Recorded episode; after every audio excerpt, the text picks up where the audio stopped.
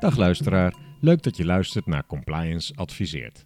Het grote belang van integriteit binnen financiële ondernemingen en de bijzondere, wettelijk verankerde rol daarin van de compliance-functie fascineert ons. Daarom praten we ongeveer maandelijks met ervaringsdeskundigen en delen dit graag met een zo breed mogelijk publiek. Een podcast is daar dus ideaal voor. We zijn Niek Reuzelaars, zelfstandig compliance officer, werkzaam via Connective Payments. En ik, Erik Rijssenweber, compliance officer bij Triodos Bank Nederland. En eh, compliance adviseert, abonneer je op deze podcast, zodat je geen gesprek mist. Op de dag dat mogelijk de Amerikaanse verkiezingen tot een einduitslag gaan komen, zit ik hier in het gebouw van het ministerie van Financiën in Den Haag met mensen die van alles weten over de Financial Action Task Force, kortaf FATF. Veel mensen in de financiële sector kennen die naam en weten ongeveer wat ze doen. Maar wat doet de FATF nou eigenlijk precies? Hoe komt de FATF tot haar landenevaluaties?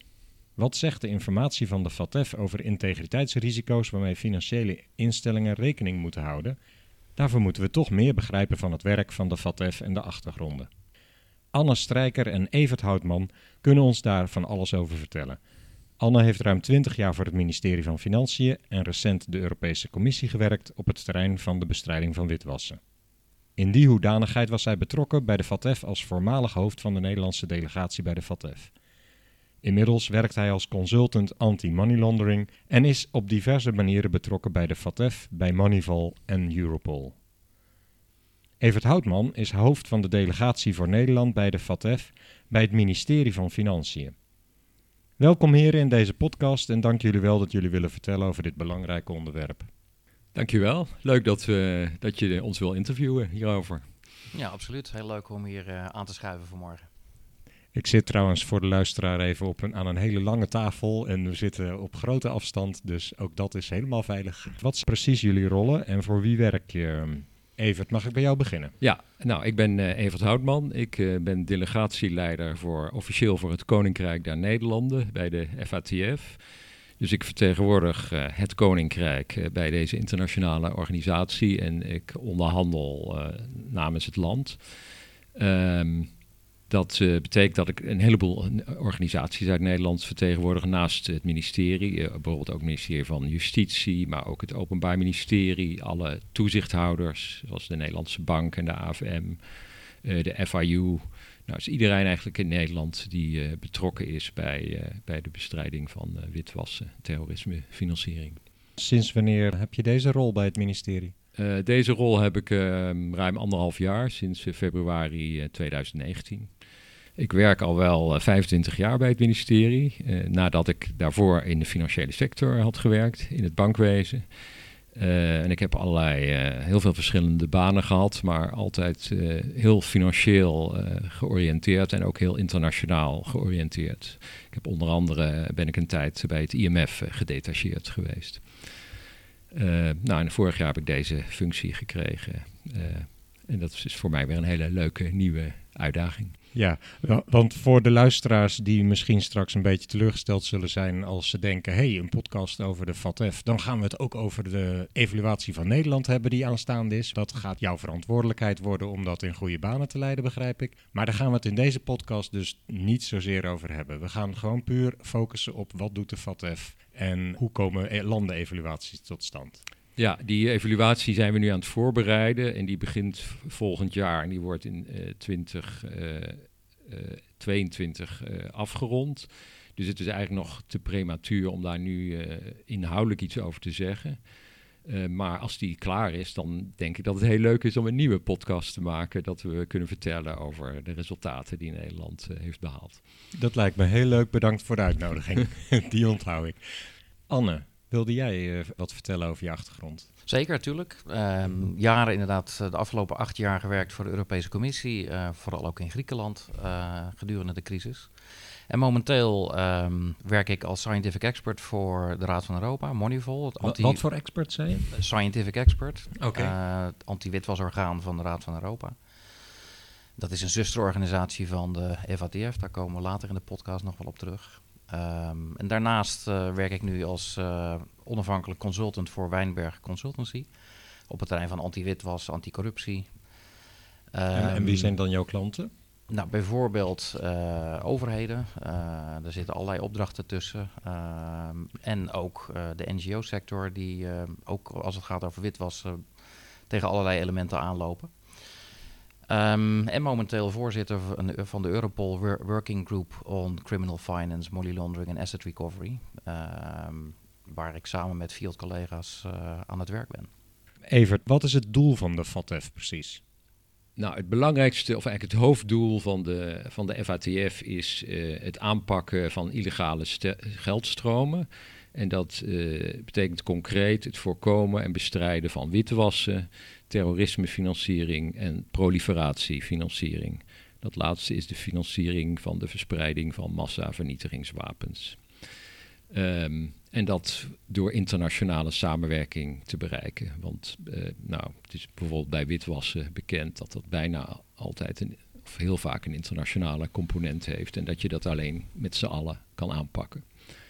Dus dat is het doel uh, van, de, van de FATF. Helder. En uh, hoe bereikt de FATF dat doel?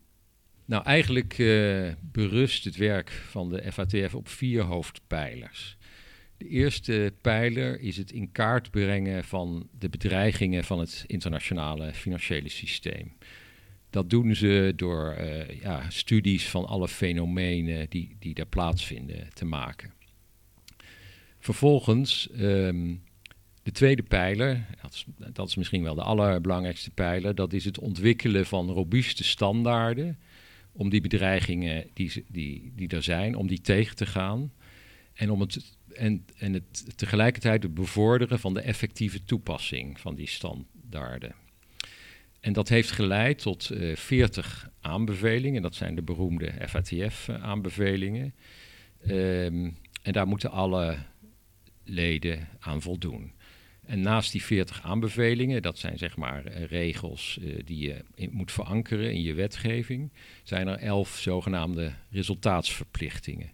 Dus uh, de FATF kijkt niet alleen naar van kloppen je regeltjes, maar ook en vooral hoe werkt het in de praktijk en bereik je ook echt resultaat bij de bestrijding van, uh, van illegale ja, Hoe effectief zijn de genomen Precies, maatregelen? De effectiviteit, dat is een uh, heel belangrijk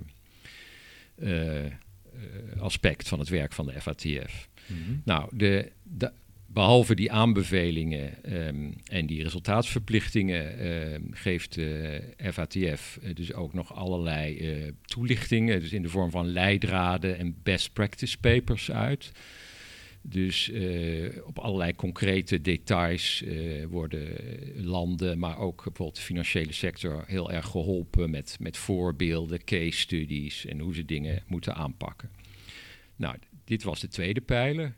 Dan de derde pijler van het werk van de FATF is het uh, beoordelen in hoeverre landen zich echt aan deze standaarden houden. En wat het resultaat is van, eh, van, van daarvan, dus de effectiviteit. En dit gebeurt door een zogenaamd uh, peer review proces. Dus het is een onderling evaluatieproces. Dus landen evalueren elkaar, of liever gezegd experts uit verschillende landen evalueren een ander land. Nou, dat is ook uh, heel belangrijk. Dus elk land krijgt scores. Nou, en dan de laatste pijler, dat is het identificeren en bekendmaken van landen die zich onvoldoende aan de standaarden houden. En die dus eigenlijk een bedreiging vormen voor het, uh, voor het internationale financiële systeem. En die landen die worden dus uh, uiteindelijk op een lijst gezet. Um, nou, wat misschien ook nog belangrijk is te melden, dat um, de, FAT, de, FATF heeft heel veel regels en zo, maar de, eigenlijk de kern is dat alles risico, gebaseerd moet zijn. Um, dus uh, ja, je moet je richten, je moet analyseren waar je de grootste risico's liggen, zowel in een land als in een sector als voor een bedrijf. En vervolgens moet je daar op focussen, op de grootste risico's. Nou, het is ook misschien nog aardig te zeggen dat um, de criminelen natuurlijk continu nieuwe, nieuwe wegen vinden. Hè, het, uh, om, om, uh, om hun praktijken te verfijnen, ze verfijnen hun praktijken en zo. Dus de FATF past die standaarden ook voortdurend aan, aan nieuwe ontwikkelingen. Um, nou, misschien om een paar voorbeelden te geven van rapporten die de FATF heeft uitgegeven met, met concrete uitleg en, en begeleiding van landen, hoe ze, hoe ze problemen moeten aanpakken. Dat is bijvoorbeeld een rapport over wat is nou professioneel witwassen en wat, wat hoe kan je dat ontdekken en waarnemen en wat kan je daartegen doen. Bijvoorbeeld mensensmokkel, dat is iets heel belangrijks waar heel veel geldstromen mee gepaard gaan. Terrorismefinanciering is iets wat de laatste jaren heel erg uh, belangrijk is geworden. Um, nou, bijvoorbeeld afgelopen zomer heeft de FATF een uh, rapport uitgebracht over um, de handel, de internationale handel in bedreigde dier- en plantensoorten, wat ook enorme grote vormen aanneemt. En daar zijn natuurlijk ook weer grote geldstromen mee gemoeid. En uh, nou, als je die geldstromen kan aanpakken, kan je vaak ook uh, het onderliggende criminele delict veel moeilijker maken. En de FATF pakt die gronddelicten, zoals bijvoorbeeld handel in drugs, zelf ook aan? Of gaat het alleen... Nee, nee, nee dat, er zijn natuurlijk heel veel verschillende soorten delicten. En die, worden, die, die worden allemaal apart juridisch aangepakt. Uh, maar de FATF heeft dus echt de, zeg maar, de follow the money benadering.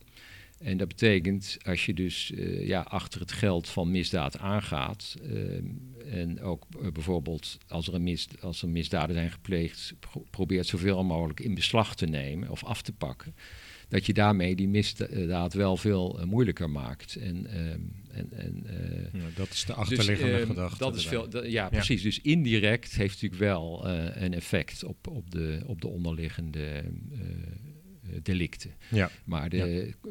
maar wij, wij, de FATF richt zich concreet op, um, ja, op het fenomeen witwassen en terrorismefinanciering zelf. Ja, als ik het zo hoor, zou er eigenlijk, uh, zouden we best een aantal podcasts over de, pod over de FATF kunnen doen. Want met name ook uh, de vraag hoe komen ze dan aan de gegevens die zij weer gebruiken in hun aanbevelingen. Uh, dat, dat boeit mij. Maar we gaan het vandaag vooral hebben over de landenevaluaties en ja. hoe die in zijn werk gaan.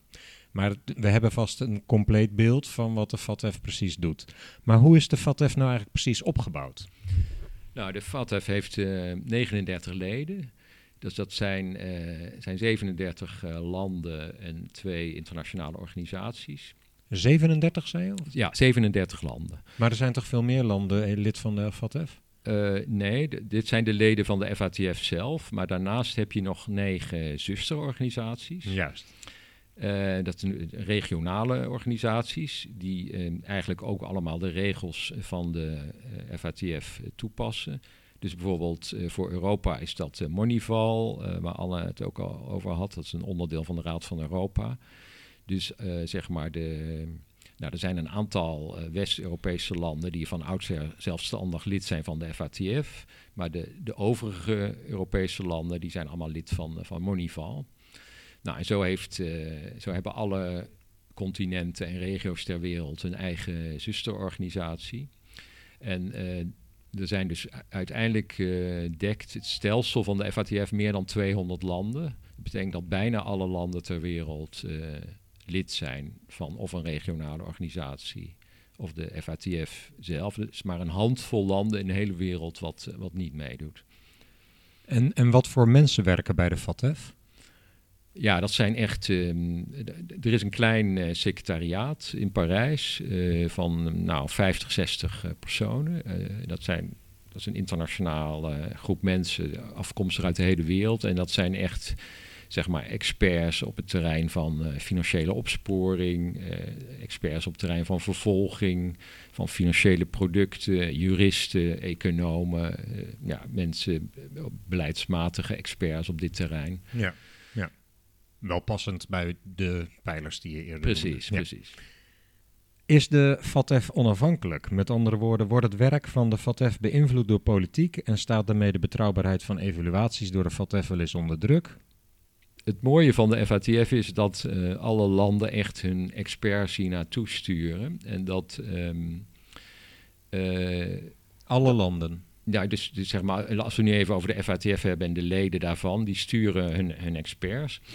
En um, eigenlijk hebben ook alle landen hier een heel groot gemeenschappelijk doel. Want iedereen, eh, ja, of, welk politiek systeem je hebt, eh, criminele geldstromen, die ondermijnen elk politiek systeem en, en witwassen. Dus ehm, ehm, het is eigenlijk heel eh, leuk om te zien dat dit een heel goed functionerende multilaterale organisatie is, waar ook ja, de grote machtsblokken eigenlijk nog heel goed met elkaar uh, samenwerken. En de landen die politiek heel nou, in de dagelijkse praktijk soms niet eens zijn of zelfs tegenover elkaar staan dat die hier wel uh, goed samenwerken. Hm. En we proberen dus ook inderdaad de politiek zoveel mogelijk buiten de deur te houden. Hm. Um, en ehm, de organisatie werkt op basis van consensus. Dat betekent ja, dat je dat je het eigenlijk dat de overgrote meerderheid het ergens mee eens moet zijn voordat er een besluit wordt genomen. En nou, in de praktijk werkt het heel goed. Nou, dat is best knap, want als je toch ziet dat het in Europa bijvoorbeeld niet altijd makkelijk is om consensus te bereiken, dan is het wel bijzonder. Maar dit kan dus ook omdat het de organisatie is die een beetje in de luwte opereert en niet echt een groot politiek uh, profiel heeft. Nee. En natuurlijk, een land vindt het niet leuk, stel dat ze, hè, dat ze op een FATF-lijst komen of slechte scores krijgen, dan dan komt er natuurlijk wel wat politieke druk. Een land probeert altijd zo best zo goed mogelijk uh, te scoren. Maar je ziet toch dat, uh, nou, dat dat over het algemeen een beetje genegeerd wordt. En dat men gewoon echt kijkt naar de, naar de, naar de harde feiten. Nou, klopt dat ook door dat dat, dat misschien ook wordt gesteund door de manier waarop het opgezet is. Want als meerdere landen samen een land evalueren en er ontstaat consensus, dan kan dat land al bijna niet meer zeggen dat het één land is geweest die uh, Precies. in ten nadele van dat land heeft geoordeeld of zo. Ja, ja oké. Anne, welke landen laten zich eigenlijk evalueren en welke landen niet? Nou ja, zoals Evert net al zei, kijk, op het moment dat je, je wordt dus vrijwillig lid van een van die organisaties, de FATF of een van die zusterorganisaties. En als je daar lid van wordt, dan betekent dat ook dat je je vastlegt om geëvalueerd te worden. Dus er is geen dwang, maar zo gauw je lid wordt, betekent dat wel dat je ook uh, inschrijft voor een evaluatie. Maar waarom zou je dan lid willen worden eigenlijk? Kun je daar iets nou ja, en dat is natuurlijk toch die, um, die druk die er dan uh, onbewust wel is. Op het moment dat je niet lid wordt als, als land, betekent dat ook dat je jezelf buiten de orde zet. Er is een klein groepje landen wat hier niet aan meedoet, bijvoorbeeld Noord-Korea. Uh, nou ja, dan weten we ook meteen waar we het over hebben. Uh, het feit is inderdaad op dit moment dat praktisch alle landen ter wereld uh, lid zijn geworden. En er is natuurlijk één belangrijke factor waarom je dat zou willen doen. En dat is dat je op het moment dat je meedoet en geëvalueerd wordt, betekent dat dat je kan laten zien dat je systeem op orde is. Dus dat is goed voor je reputatie. Het betekent ook dat je um, uiteindelijk, uh, afhankelijk van de uitkomsten van zo'n evaluatie, ook uh, um, goed mee kan doen aan het financiële systeem. Je komt niet op zo'n lijst. Aan internationale en, uh, handel is het dan daar vooral. vooral. En voor de internationale handel heb je dan ook meteen een positief effect. Dus uh, je, kunt dat, je zou dat kunnen kwantificeren in de vorm van een rentelast. Je zei Noord-Korea doet niet mee. Zijn er andere landen die niet meedoen? Nou ja, er zijn landen die in een proces zitten waarbij ze proberen onderdeel te worden van het systeem. Ook Iran is natuurlijk een, een ingewikkeld land. Uh, zij zijn overigens wel geëvalueerd um, en proberen uh, onderdeel te worden van het systeem. Maar moet je dus wel voldoen aan die standaarden. Uh, dus dit zijn eigenlijk de meest in het oog lopende landen. Uh, die zal je ook terugvinden op dit moment op een zwarte lijst. Dus er is geen plicht, maar een intrinsieke motivatie van landen om mee te doen. Ik, ik zou die beter kunnen omschrijven dan wat jij nu doet. Ja. ja. Hoe komt uh, FATF tot het schema om landen te evalueren? Nederland is, meen ik, twee, tien jaar voor het laatst geëvalueerd. Waarom nu weer en, en hoe kiezen ze de landen uit? Ja, dat, dat, daar zit niet heel veel um, hogere wiskunde achter. Uiteindelijk uh, zie je dat, dat je van ronde tot ronde geëvalueerd wordt. We zitten nu in een ronde uh, waarbij uh, land voor land als lid geëvalueerd wordt. En dat schema is ongeveer een kopie van de vorige ronde. Dus je zag dat in de vorige evaluatieronde Nederland ongeveer aan het einde samen met Frankrijk geëvalueerd werd. Dat is nu weer het geval. Hè? Dus daar wordt, kan een klein beetje in geschoven worden. Maar voordat die ronde start, is er ook een overzicht van wanneer welk land aan bod is. Ja, het is dus ook niet aan een land om te zeggen: ik wil nu geëvalueerd worden. Dat bepaalt de FATF. Ja, goed, er is wel, je hebt wel wat invloed. Hè, maar uh, het ligt minder voor de hand dat als je in de vorige ronde helemaal aan het eind zat, dat je dan in de nieuwe ronde helemaal vooraan staat. Hè. Dus uh, daar, heb je, daar, daar wordt over gesproken. Aan de voorkant wordt dat vastgelegd. En zo ontrolt zich dat dan. Ja. Oké. Laten we inzoomen op het framework wat gebruikt wordt bij die landenevaluaties. Uh, hoe ziet dat er precies uit, Anne? Ja, dat is op zich wel een interessante ontwikkeling. Uh, Evert zei net, we hebben 40 aanbevelingen. Dat zijn dan de, de kernaanbevelingen waar elk land aan moet voldoen. Dat ziet in hoge mate op wat je moet vastleggen in wet en regelgeving. Uh, maar het gaat natuurlijk in de kern over of dat ook echt werkt. Of het in de praktijk wordt gebracht. Of het effectief is. En dat is wat je in deze evaluatieronde vooral ziet. Dat betekent ook dat het FATF voordat deze ronde startte, waar landen nu geëvalueerd worden, uh, lang gewerkt heeft aan de opstelling van uh, wat ze dan noemen immediate outcomes. Dat zijn elf aanvullende, noem het toch maar even, aanbevelingen die uitgevoerd moeten worden. En wat vooral gaat over de vraag, hoe effectief is je systeem nou?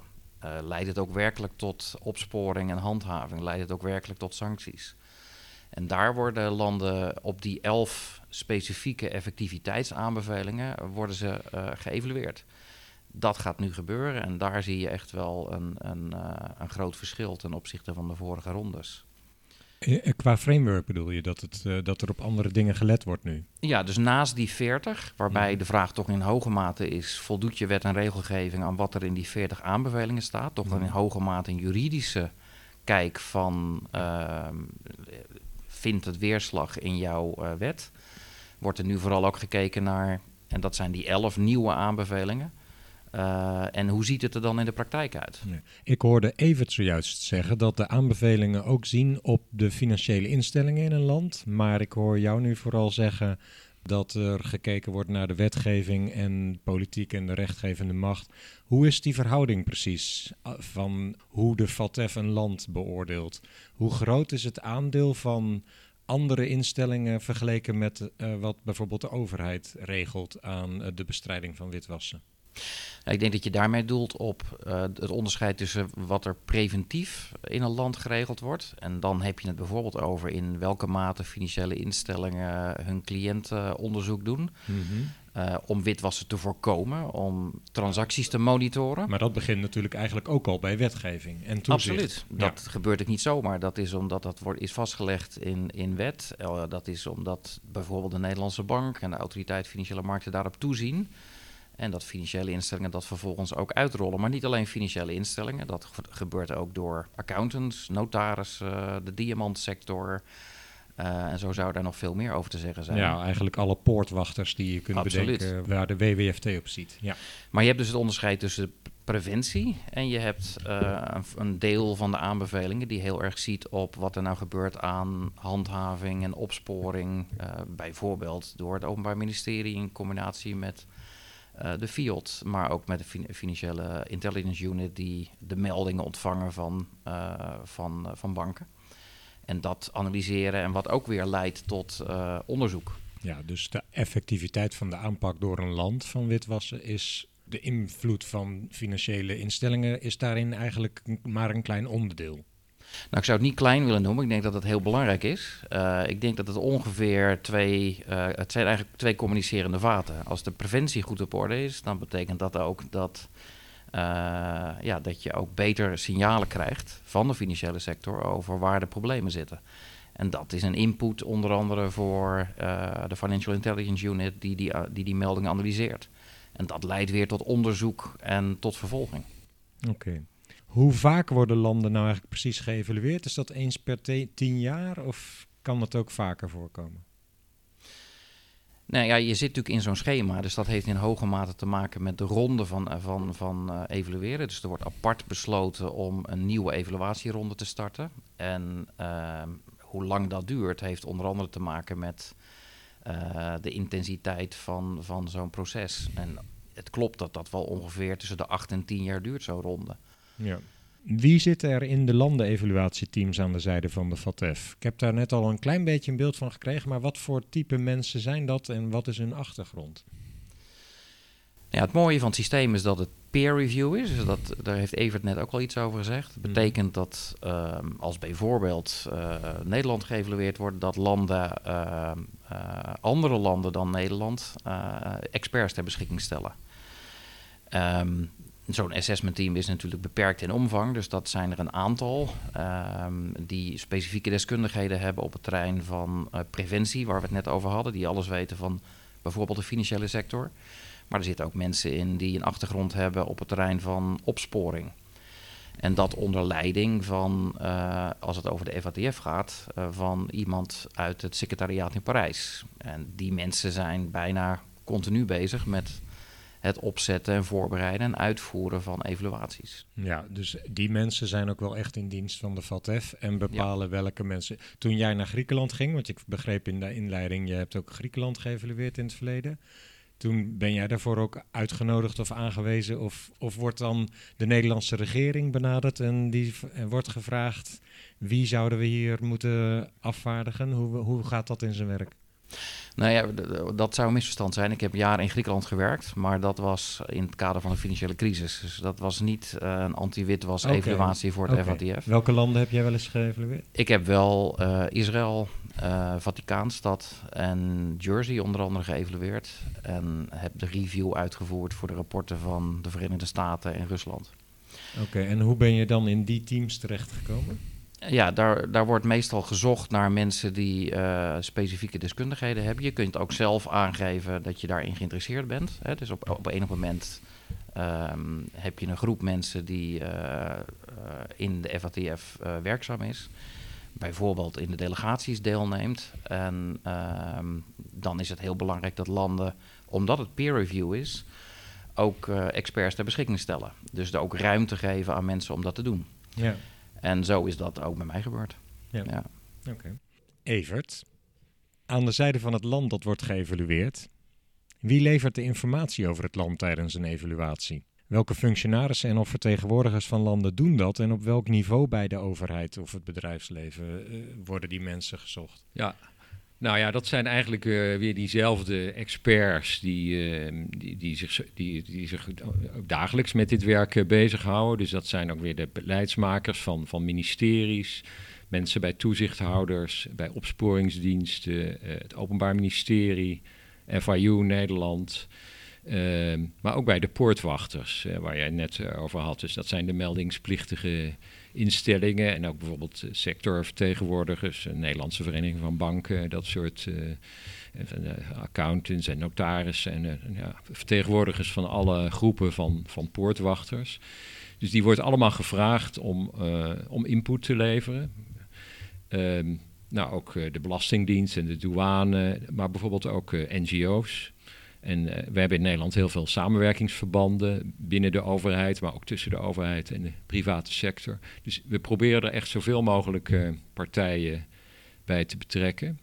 Uh, nou, het grootste deel van de voorbereiding gaat, uh, gaat schriftelijk. Dus uh, we krijgen allemaal vragenlijsten en we moeten heel veel gegevens aanleveren. En je moet bijvoorbeeld ook, het OM moet allemaal case studies laten zien en, en, en statistieken van hoeveel zaken heb je vervolgd en hoeveel veroordelingen zijn er uitgesproken. En, hoeveel uh, uh, inbeslagnames en zo. Nou, boetes ja. uitgedeeld, noem maar moet, op. Er moeten veel cijfers verzameld dat worden ook. door het land. Uh, ja. ja. Zowel beleid als cijfers en resultaten dus.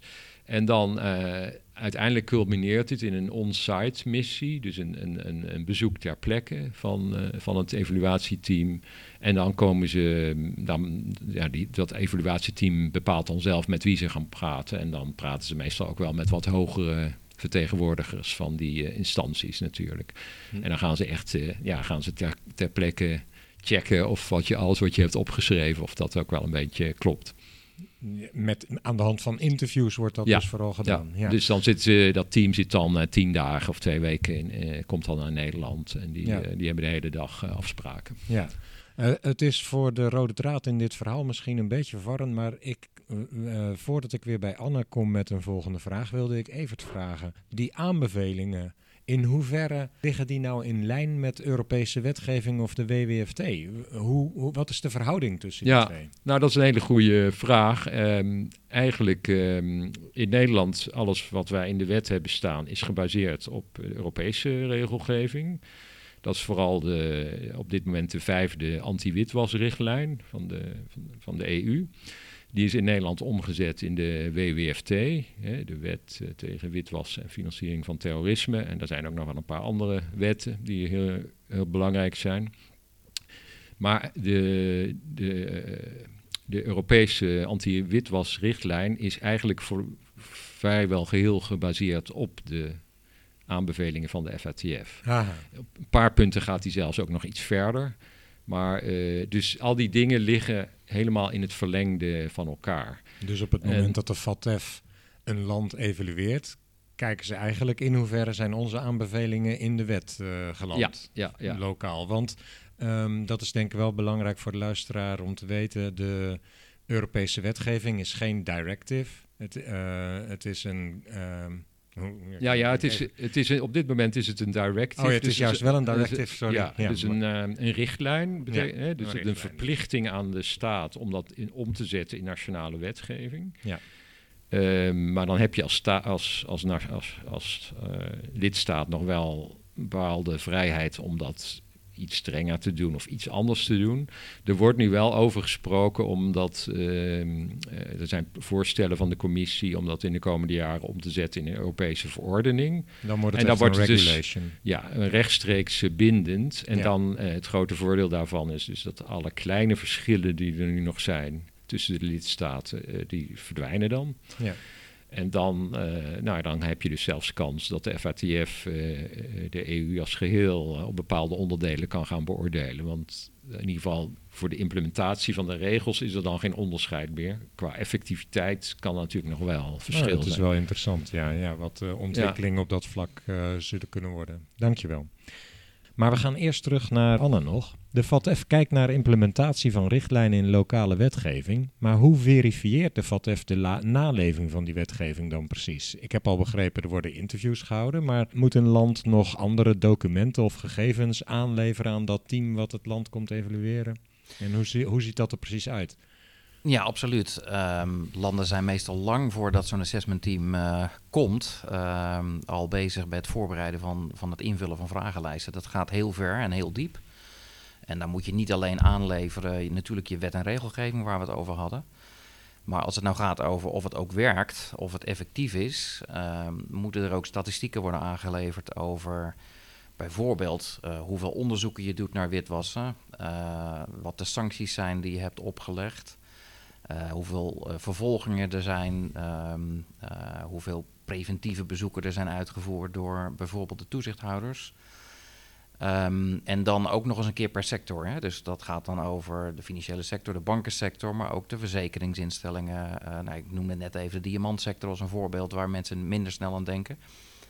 Ook daar geldt dat voor. Ehm, en al die informatie dient dan om te komen tot een, een eh, ja, dat noemen ze dan een scoping note.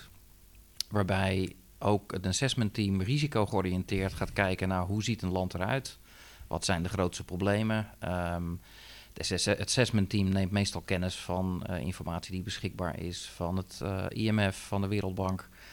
Andere type analyses over landen die beschikbaar zijn. En dat allemaal gaat in, komt terecht in die, in die risicobeoordeling, scoping note. Voordat ze überhaupt starten aan de interviews in het land zelf. Voordat ze beginnen, hebben ze dus eigenlijk al een beeld van het land en gaan ook gericht op zoek naar waar de grootste risico's zitten en zullen daar vooral op richten. Dat is ook de werkwijze die jij hanteerde toen je naar de Vaticaanstad onderweg ging. Ja, absoluut. Ja. Dus eh, zo, nou is het wel zo'n zo'n scoping note en, en de focus op risico, dat is iets wat in deze ronde, eh, en daarom is dat denk ik ook een hele waarde, waardevolle stap, eh, expliciet genomen wordt. Dus er wordt niet meer naar alles gekeken. Ja. Eh, dat zou ook veel te veel zijn uiteindelijk. Ja. Zeker nu de stap is genomen naar het zoeken naar effectiviteit. Eh, en wordt er aan de voorkant goed nagedacht over de vraag wat nou het profiel is van een land, waar de mogelijke problemen liggen. eh, nog voordat ze uiteindelijk aan die interview starten. Ja. En wat kun je nou uit eigen ervaring zeggen over de medewerking van landen aan de evaluaties van de FATF? Zijn ze open? Hebben ze complete informatie? Of moet je nog kijken waar, komt, uh, waar komen deze statistieken vandaan? Hoe, hoe werkt dat? Ja, goed, elk land uh, hanteert daarbij zijn eigen strategie. Uh, wat ik wel meen te zien is dat nu we de stap hebben gezet naar veel meer nadruk op effectiviteit, um, het wel helpt. En waarom? Landen moeten zelf aangeven en, en inzichtelijk maken, aannemelijk maken waarom ze denken dat hun beleid effectief is, waarom het werkt op de grond. Hm. Um, dus je kunt ervoor kiezen, wat in het verleden nog wel eens gebeurde, om heel weinig informatie te geven. Maar dan maak je het assessment team uiteindelijk uh, eenvoudig om tot de conclusie te komen dat het misschien niet werkt. He, dus, sinds, sinds, wanneer is dat ingevoerd dan, die, die nadruk op effectiviteit? Ja, dat, is, dat staat nu in de standaarden sinds 2013, 12, 13. Ja. Okay. Um, dus, maar je ziet dat, hè, omdat land voor land geëvalueerd wordt, zie je dat natuurlijk langzaamaan vooruit uh, zich ontwikkelen. Uh, en nu is het zo dat elk land wat nu geëvalueerd wordt, uh, ja, ook zal voelen dat ze, de druk, dat ze de druk voelt om dat nu inzichtelijk te maken. Um, dus ik denk dat er een veel hogere uh, ja, focus ligt nu ook bij landen om dit goed voor te bereiden en goed beslagen ten ijs te komen. Ja, ik moet me nu even inhouden om allerlei vragen te gaan stellen over hoe landen al die gegevens bij elkaar gaan krijgen. Want dat is eigenlijk een beetje off-topic, maar ik kan me voorstellen dat het een enorme exercitie is. Want als je alleen al bedenkt dat vaak bij bedrijven het al moeilijk is om de juiste gegevens in kaart te krijgen. Dan is het voor dit soort cijfers, die je, waarbij je toch vaak ook afhankelijk bent van die goudsmit of weet ik veel, die accountant, uh, die moeten dat allemaal registreren ook natuurlijk. Maar over wat de overheid doet, bijvoorbeeld uh, strafbaarstelling van witwassen, is daar goede informatie over? Registreren rechtbanken dat? Of hoe werkt dat? Ja, statistiek is natuurlijk iets wat, waar landen permanent mee aan, aan het werk zijn. En je ziet absoluut een verschil tussen landen, hoe goed ze daarin uh, toe in staat zijn. Ja met waar ik net de nadruk legde op het aanleveren van cijfers. Kijk, als je die hebt, helpt dat enorm. Het is niet zo dat, als je, uh, de, dat er geen andere manieren zijn om toch ook nog inzichtelijk te maken hoe het eigenlijk werkt. Hè? Die hmm. interviews hebben natuurlijk ook een doel. Ja. Interviews hebben als doel om zicht te krijgen of mensen nou werkelijk, bedrijven, financiële instellingen, opsporingsinstanties, in staat zijn om te vertellen wat de risico's zijn op het terrein van witwassen. In hoeverre dat aansluit op een National Risk Assessment, wat elk land tegenwoordig moet hebben. Hè, dus ook daar heel erg risico georiënteerd. Ja. Uh, en dan is een van de vragen, en dat ook een manier om effectiviteit vast te stellen, of uh, partijen hun, uh, hun risicoprofiel en benadering hebben afgestemd op wat de risico's in zo'n land zijn, volgens hun eigen National Risk Assessment. Ja dus het is niet zo dat alleen statistiek bepalend is. Het is een belangrijk gegeven. En als je het helemaal niet hebt, is dat erg ingewikkeld. Hmm. Maar er zijn andere manieren om inzichtelijk te maken dat je natuurlijk op, op het goede spoor zit als land. Evert. Ja.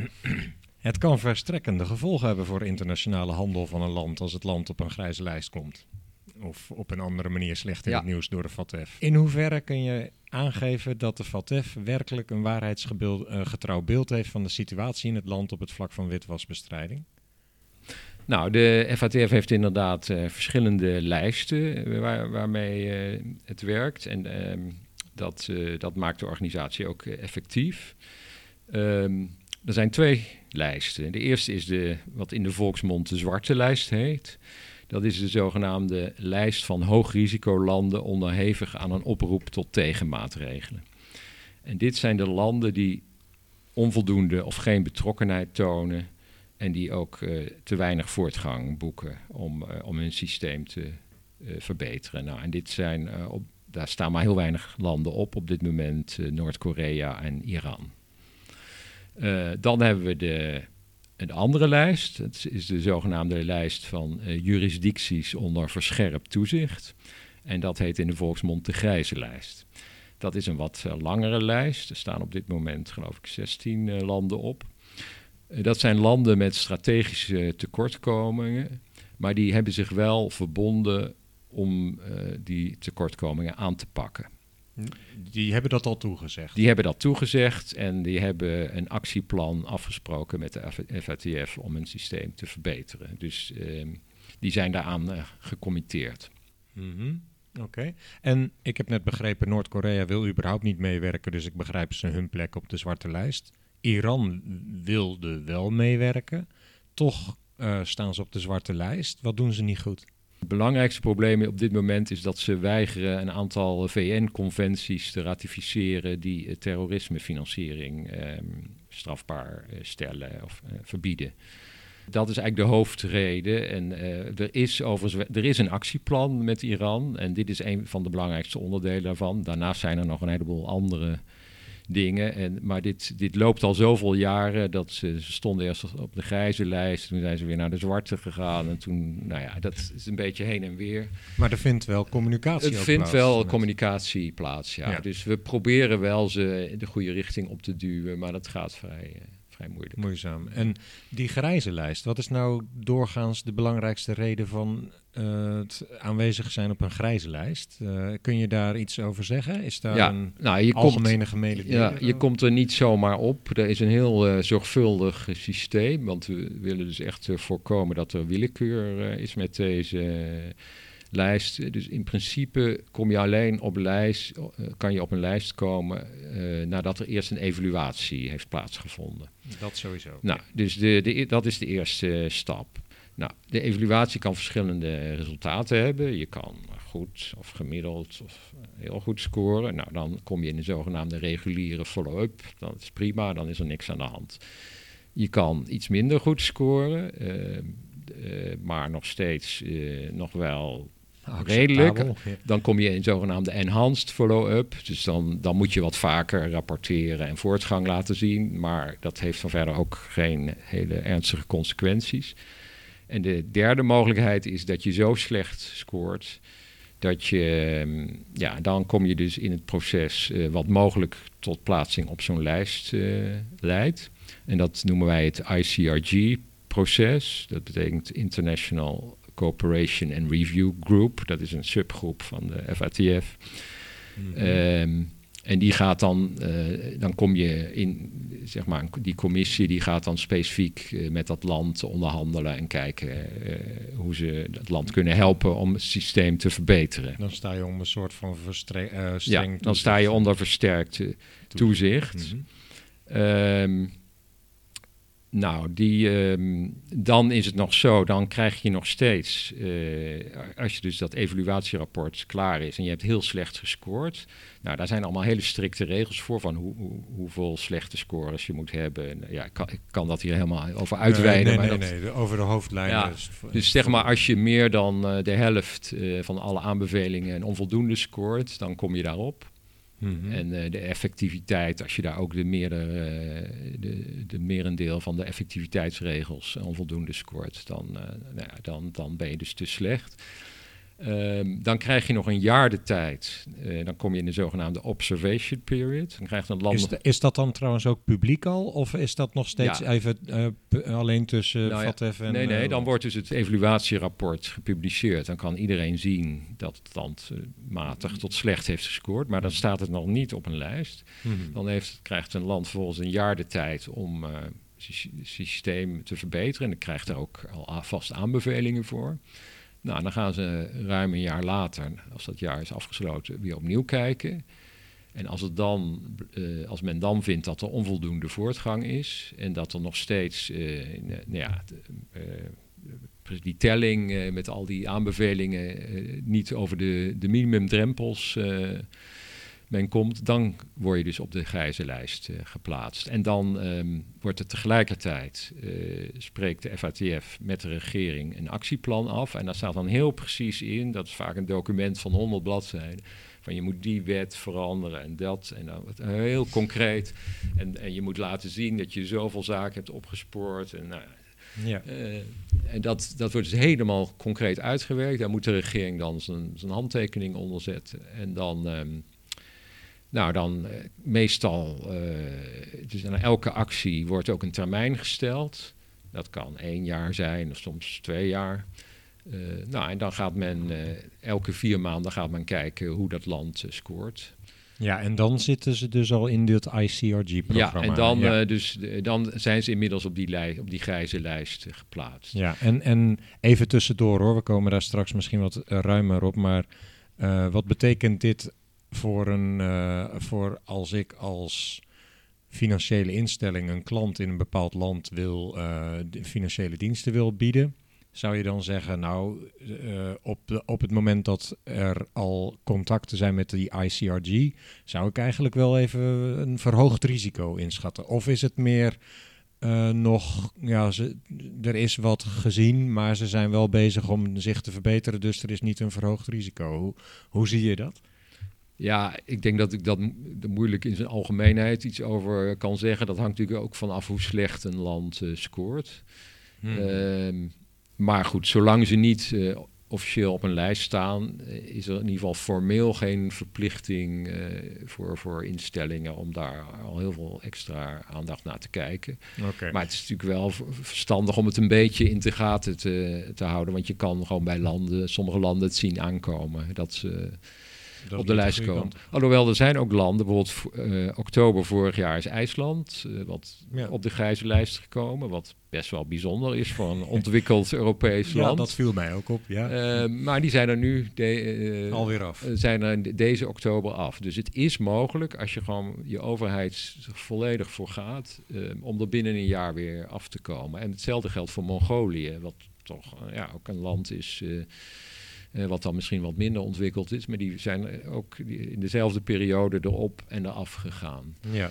Um, maar van de andere kant, er zijn natuurlijk ook ontwikkelingslanden waar ja, de capaciteit van de overheid een stuk minder is. En die er soms echt jaren op staan. En die, waarvoor het heel moeilijk is om eraf te komen. Dus het, het beeld wisselt een beetje. Nou, nu je dat aansnijdt, voor landen die al armer zijn krijgen dan een slechte evaluatie van de FATF omdat ze wat minder mogelijkheden hebben. Houdt dat niet ook het systeem een beetje in dat uh, verschil tussen arm en rijk in stand op die manier? Ja, nou, ik weet niet of je dat zo kan zeggen. Kijk, er zijn natuurlijk heel veel arme landen waar nauwelijks een financieel systeem is. En, dan is de vraag, uh, ja, dan, hoe, dan hoe belangrijk is het? Ja, dan hoeft het ook niet zo heel erg super ontwikkeld uh, te zijn. En dan vormen ze in ieder geval voor de rest van de wereld geen, uh, geen grote bedreiging. Anne, jij wilde wat zeggen? Nou, misschien als aanvulling erop, want het is, um, ik vertelde net iets over de scoping note en het risicoprofiel. Een van de redenen om dat te doen is ook om niet iedereen precies op dezelfde punten te bekijken. Ja, Als je kijkt naar Nederland, dan is het een, een volledig financieel uh, ontwikkeld land met alle mogelijkheden die erbij horen en risico's. Ja. Kijk je naar uh, een aantal uh, ja, landen, bijvoorbeeld in Afrika, die hebben natuurlijk een heel ander profiel, hebben ook een aantal elementen die misschien voor witwassen risicovol zijn. Heel veel cash transacties bijvoorbeeld. En dan is eigenlijk het idee dat daar dan de evaluatie vooral over gaat. En misschien ja. niet over allerlei uh, regels die voor Nederland uh, heel erg cruciaal en relevant zijn. Ja, duidelijke toelichting. En dat helpt ja. hopelijk wel om, uh, om willekeur weer te voorkomen. Ja, en we kijken dus ook heel erg naar of een land een financieel centrum is.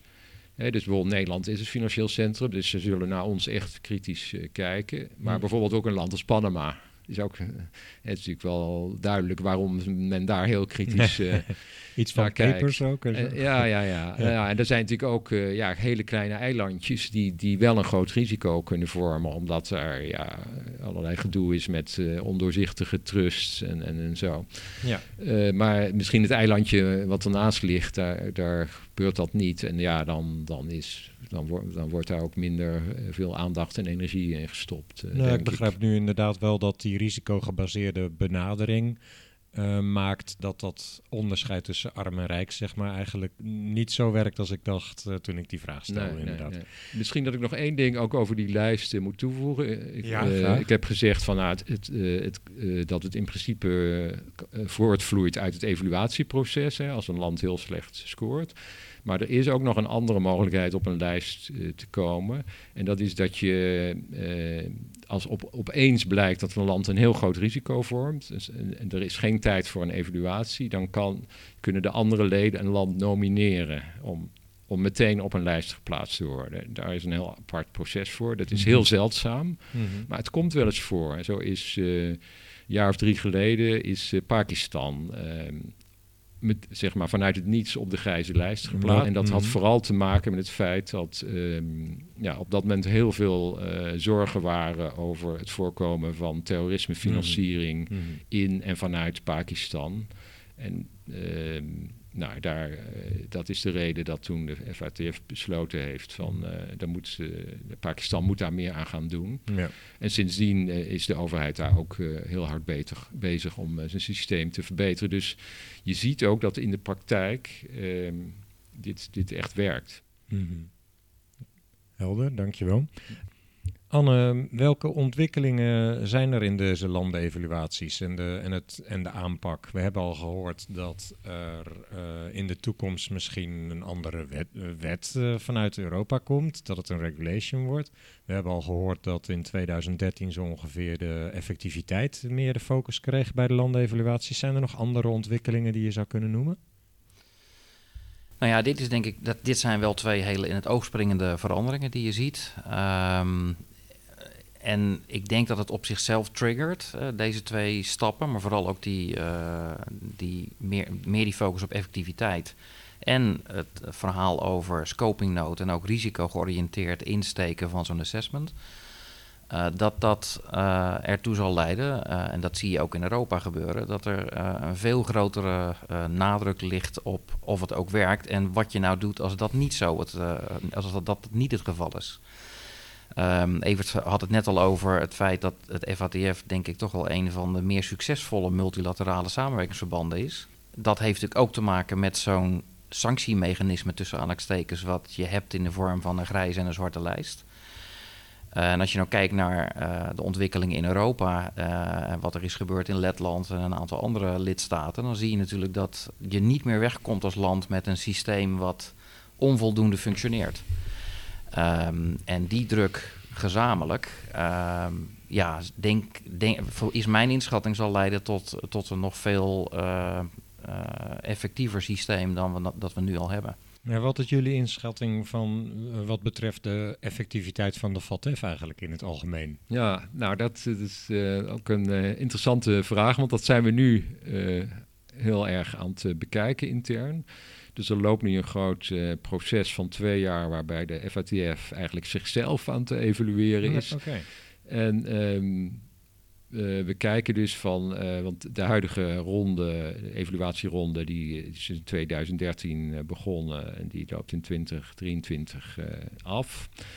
Um, en daarna zou dan de vijfde evaluatieronde beginnen. Dus we zijn nu aan het kijken van wat gaan we allemaal verbeteren? En, en wat, en, hoe, is de huidige ronde gelopen en wat kunnen we eraan verbeteren? En um, waar in ieder geval al toe besloten is dat de ronde korter wordt. Dus landen worden sneller geëvalueerd. Um, de, de, zeg maar de technische evaluatie op de aanbevelingen, dat wordt, uh, dat wordt uh, een schriftelijke exercitie. Want zo langzamerhand heeft iedereen alle de meeste landen hebben die, die wetten nu allemaal wel netjes ingevoerd. Dus inderdaad gaan we nu veel meer focussen op effectiviteit. Ja. Um, en, maar we zien ook dat uh, als je kijkt naar de resultaten, dat gemiddeld genomen de resultaten nog helemaal niet zo goed zijn. Zeg maar, uh, als je alleen kijkt naar de FATF-leden, scoort zeg maar 40% uh, goed.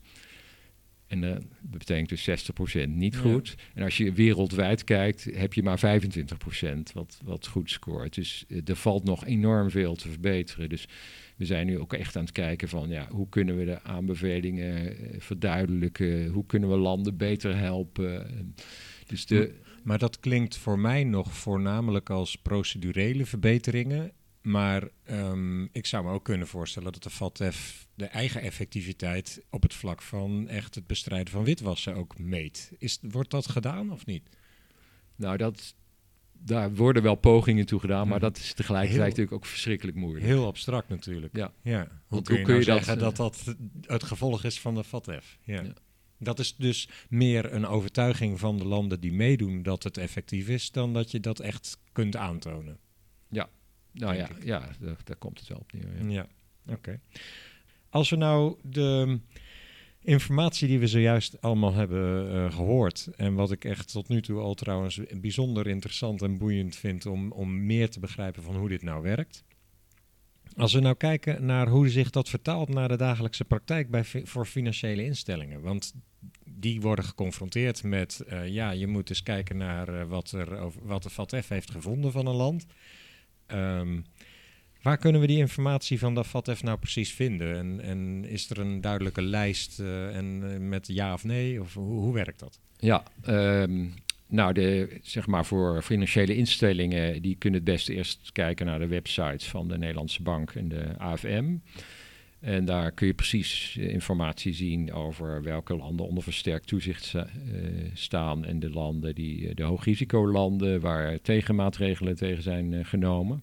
Ja, dus je adviseert niet de FATF-site zelf nou, te bekijken? Kijk, de, de, hier staat zeg maar de, de kern van de informatie. En daar staan ook vaak links die doorklikken naar de, naar de FATF-site. Mhm.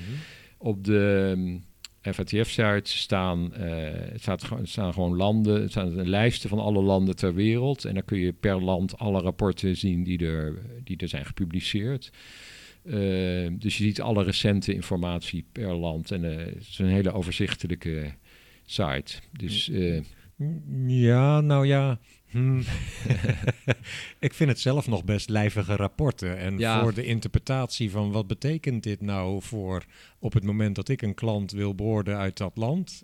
Meestal wordt er dan wat meer gebruik gemaakt bij financiële instellingen van informatie die wat sneller te beoordelen valt. En uh, een CDD-analyst, ik noem maar iemand die bij een financiële instelling werkt, kan niet al die uh, lijvige rapporten doornemen natuurlijk. Is, is er een advies wat je zou kunnen geven waar die mensen dan op zouden moeten letten? Uh, nou, ik denk, um, lees gewoon de, de, de management summary in het rapport en, en het, het bijbehorende persbericht van de FATF. Uh, bij het, toen het, uh, de landenevaluatie gepubliceerd werd. Ik denk dat daar de kern in staat. En ja. gewoon wat zijn de hoogste risico's in dit land en wat doen ze heel goed. Ja. En dat, nou, dat, ik denk dat dat niet zo heel veel tijd hoeft te kosten. Wat zegt het precies als een land op een FATF-lijst staat? Welke conclusie zouden we daaruit moeten trekken als financiële instelling? Kortom, met welke integriteitsrisico's moet een financiële instelling dan rekening houden? Ja. Nou, dat heel concreet betekent dat het land niet aan de minimumeisen voldoet. Die, die gelden voor, voor een effectief systeem tegen, tegen witwassen en terrorismefinanciering. Um, nou, en dat betekent ook dat volgens de Europese regelgeving, eh, die in Nederland natuurlijk geïmplementeerd is, een financiële instelling eh, dan altijd uh, enhanced due diligence, dus verscherpt cliëntenonderzoek moet uitvoeren.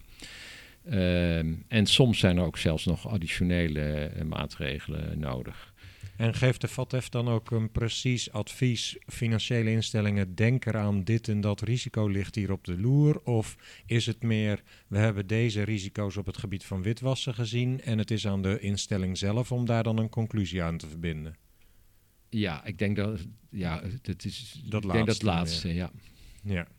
Mm Anne, als compliance officers bij financiële instellingen de landenrisico's en de FATF-lijsten toepassen? Op wat voor manier? Bij welk proces zou dat moeten? Ja, uh, ik, wat natuurlijk heel belangrijk is, dat is nu al een paar keer langsgekomen, is dat financiële instellingen zelf uh, proberen te volgen wat er nou uh, gebeurt met die lijsten. lijsten. Dus dat, dat, daar heeft Evert net iets over verteld. En wat ze dan moeten doen, is ook maatregelen nemen in hun bedrijfsvoering. Wat zijn de transacties die zijn uitgevoerd? Wat zijn hun relaties met landen die op die lijst staan? Op grond daarvan, hè, gegeven dat het op zo'n lijst staat, land, betekent dat ook dat dat een risicoverhogende factor is. Dus dat ze aanvullende maatregelen moeten nemen, bijvoorbeeld op het terrein van cliëntonderzoek. Hè. Dat is een van de, van de kernen. Maar ook transactiemonitoring, een ander proces waarbij dan scherp gekeken moet worden uh, hoe ze dat verhoogde risico zouden kunnen mitigeren. De aard van de maatregelen die ze dan zouden moeten nemen hangt natuurlijk erg af van het risico wat er dan uh, aan bod is. Dus de specifieke transactie waar ze mee te maken hebben de, de, de, cliënt waar ze hun diensten aan willen eh, verstrekken. En wat er dan precies gebeurt. Dus wat zouden ze concreet kunnen doen? Nadenken over wat is nou de achtergrond en de beweegreden van uh, deze cliënt om deze transactie nu te uh, faciliteren. En de eerste verantwoordelijkheid daarbij is toch voor de eerste lijn. Als zo'n cliëntonderzoek wordt uitgevoerd. Dus dat is de business manager, de relatiemanager, de, de analist op het terrein van CDD. En dan in tweede instantie, de tweede lijn, is dan natuurlijk voor de compliance officer. Hij of zij adviseert en heeft vooral een controlerende taak op dat hele proces. Dus ik hoop dat dat wat inzicht geeft in hoe je met die uh, risicoverhoging van plaatsing op een lijst zou kunnen omgaan. Ja, maar het is dus niet per se zo dat als een land op een grijze lijst staat, dat een klant uit dat land dan per se uh, geoffboard moet, zou, zou moeten worden. Je kunt alsnog kijken naar de risico's en daar mitigerende maatregelen bij bedenken. Zo is het precies. Geldt dat ook voor die, zwarte, uh, voor die landen op de zwarte lijst? Ja, goed. Het gegeven dat je natuurlijk op een zwarte lijst staat, betekent dat zo'n systeem op geen enkele manier functioneert. Uh, dus betekent het ook dat je uh, ja, navenant uh, maatregelen moet nemen. Het is nog steeds niet onmogelijk om dan transacties uit te voeren, maar Um, ja, dat betekent wel dat je heel nauw, nauwgezet onderzoek moet doen. Uh, en daar wordt het natuurlijk wel gecompliceerd. Dus, ja, uh, nou hebben we het. Noord-Korea is volgens mij ook echt gewoon niet toegestaan om daarmee handel te drijven. Maar met Iran ligt dat anders. Hoe, hoe zit dat? Kun je daar kort iets over zeggen? Of is dat een he hele podcast waard?